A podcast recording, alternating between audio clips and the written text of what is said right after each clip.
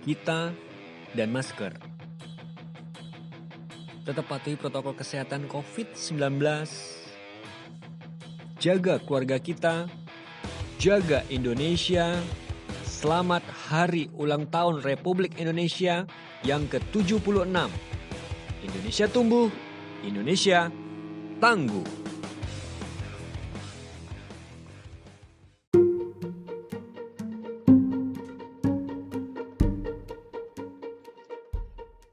Set your goal, achieve your career di Carpot Career Podcast bersama Rizky Hendrawan.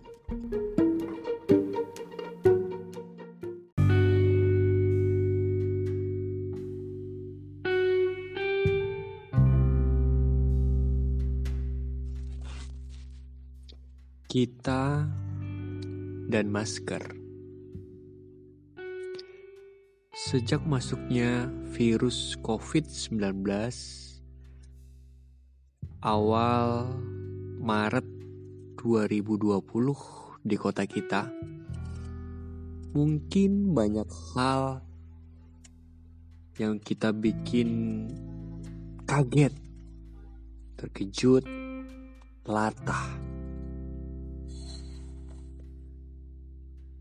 Di kota kami menggunakan masker mungkin sudah terbiasa.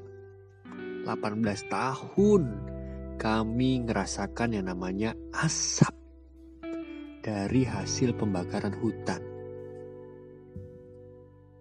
Tapi kali ini berbeda. Kami menggunakan masker karena virus COVID-19. Mungkin kami masih awam dengan virus itu dengan banyaknya berita, media TV, koran, sosial media, pembicaraan orang-orang, virus ini sangat-sangat menakutkan. Sehingga pemerintah mewajibkan kita untuk terus mematuhi protokol kesehatan COVID-19. Salah satunya kebiasaan baru yang harus kita terus jalankan itu menggunakan masker. Ya, masker di awal pandemi COVID-19 menjadi sesuatu yang sangat langka, sangat mahal, dan bikin rebutan buat siapa aja untuk mengumpulkan, untuk memiliki, bahkan mungkin ada yang menjadi lahan bisnis baru.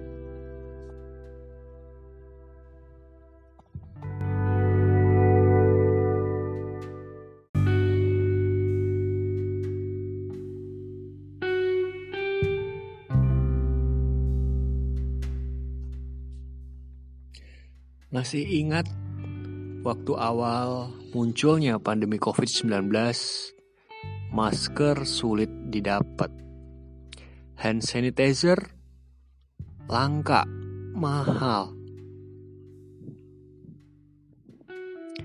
Terus kita tetap harus bisa bertahan dengan pandemi yang mungkin ini belum pernah kita temui belum pernah kita rasakan. Hal-hal dulu yang mungkin gak pernah kepikiran sama kita, kita dibatasi untuk keluar rumah, kita dibatasi untuk beraktivitas, kita dibatasi untuk bekerja, kita dibatasi untuk berlibur, banyak batasan-batasan yang mungkin kita nggak pernah kepikiran. Waduh, Ternyata sekarang jadi susah buat liburan. Ternyata sekarang jadi susah buat piknik. Nggak bisa jalan-jalan lagi. Ya, mungkin itu adalah salah satu perubahan yang terbesar dalam hidup kita. Tapi ini telah terjadi dan kita harus tetap bisa menghadapinya. Untuk bisa survive, untuk terus bisa bertahan. Ya mungkin hanya bertahan. Sampai kapan? Kita sama-sama nggak tahu bakal sampai kapan pandemi ini akan berakhir.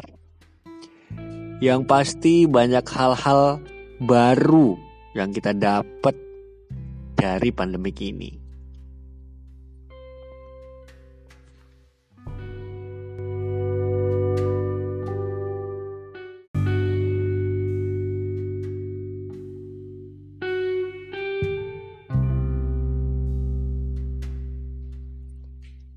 Pendidikan seperti sekolah, kuliah, mungkin sekarang sudah tidak bisa lagi untuk bisa tatap muka seperti dulu lagi.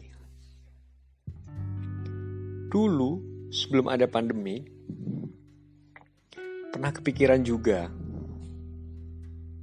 gimana nanti kalau misalnya kuliah, kita tuh lewat jarak jauh aja. Apalagi yang untuk ngambil profesi, atau gelar sarjana S2, S3. Nggak perlu harus bolak-balik kampus yang jauh di sana. Tapi cukup bisa dengan media digital saja. Terus pernah juga ngerasain kendala saat kuliah. Kuliah itu menyenangkan, seru tapi ada hal yang bikin tidak kita menyenangkan, yaitu kejar-kejar pembimbing. Waduh, itu momen yang luar biasa. Pernah kepikiran juga, gimana kalau nanti bimbingan ini nggak perlu lagi kejar-kejaran? Gimana nanti kalau uh, mencari pembimbing, revisi, skripsi atau tesis, nggak perlu kejar-kejaran lagi, nggak perlu ke sana kemari. Ya mungkin menggunakan teknologi seperti video call mungkin atau teleconference mungkin. Dulu kepikiran nih gitu. Atau eh, nggak uh, perlu cetak lagi tugas akhir skripsi atau tesis. Cukup kirim by email lalu revisi, coret-coret, coret-coret by teknologi, bukan by manual lagi. Dulu pernah kepikiran begitu sebelum ada pandemi. Ternyata sekarang kejadian. Sekarang ketemu. Kalau mau bimbingan, ya mungkin cukup teleconference. Kalau mau revisi, mungkin cukup kirim by email. Seneng pasti ya. Dulu sebelum ada pandemi, sering banget berusukan ke kampus-kampus buat ngasih materi tentang dunia kerja, tentang revolusi industri 4.0 dulu berkali-kali ngomongin tentang revolusi industri 4.0. Tapi nyatanya di kampus masih juga banyak revisi, revisi, revisi manual. Coret-coret di kertas manual. Waduh, nggak pas banget dengan materi 4.0. Ternyata di masa pandemik ini 4.0 malah jadi jalan. Ya seperti tadi. Revisi by email uh,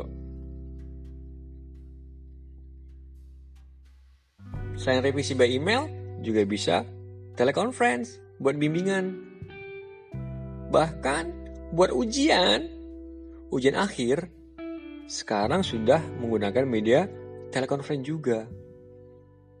Nah ternyata selain ada dampak-dampak negatif dari pandemi ini juga banyak dampak positifnya. Salah satunya yang itu tadi.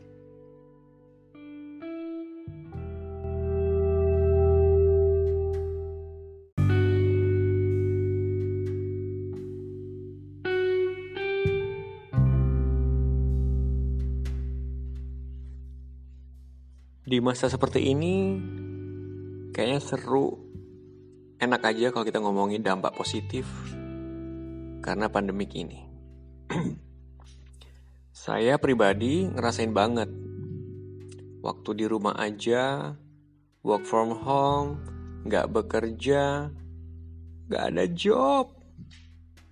Kebetulan saat itu saya punya jasa industri event organizer.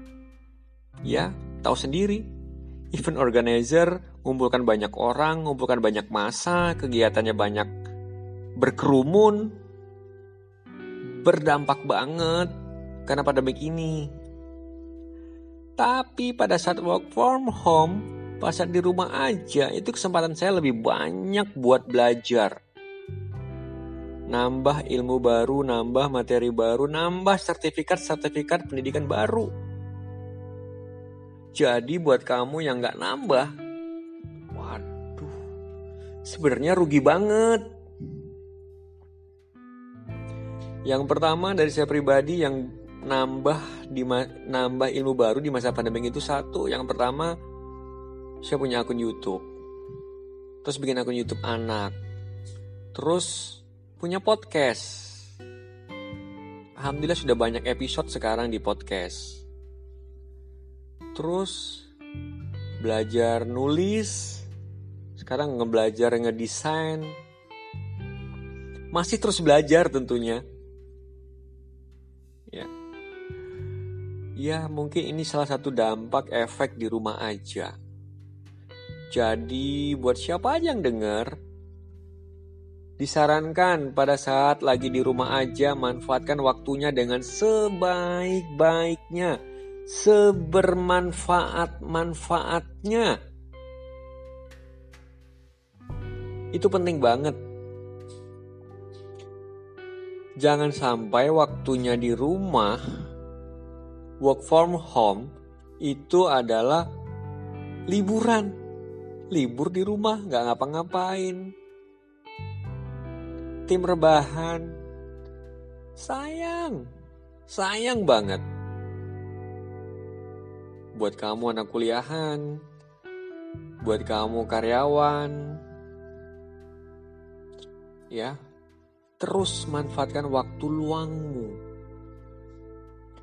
Jangan sampai waktu luangmu hanya menjadi terbuang sia-sia. Oke, okay? dan tetap ingat kita nggak tahu sampai kapan pandemi ini berlalu. Kita terus tetap menjaga protokol kesehatan COVID-19, tetap menggunakan masker, jaga keluarga kita, kesehatannya tentunya. Ya. Jangan sampai kita abai dengan peraturan protokol kesehatan COVID-19 ini. Tetap jaga kesehatan, tetap jaga keluarga kita, tetap jaga Indonesia kita. Indonesia tumbuh, Indonesia tangguh. 76, 76 tahun Indonesia merdeka. Selamat hari ulang tahun kemerdekaan Republik Indonesia yang ke-76.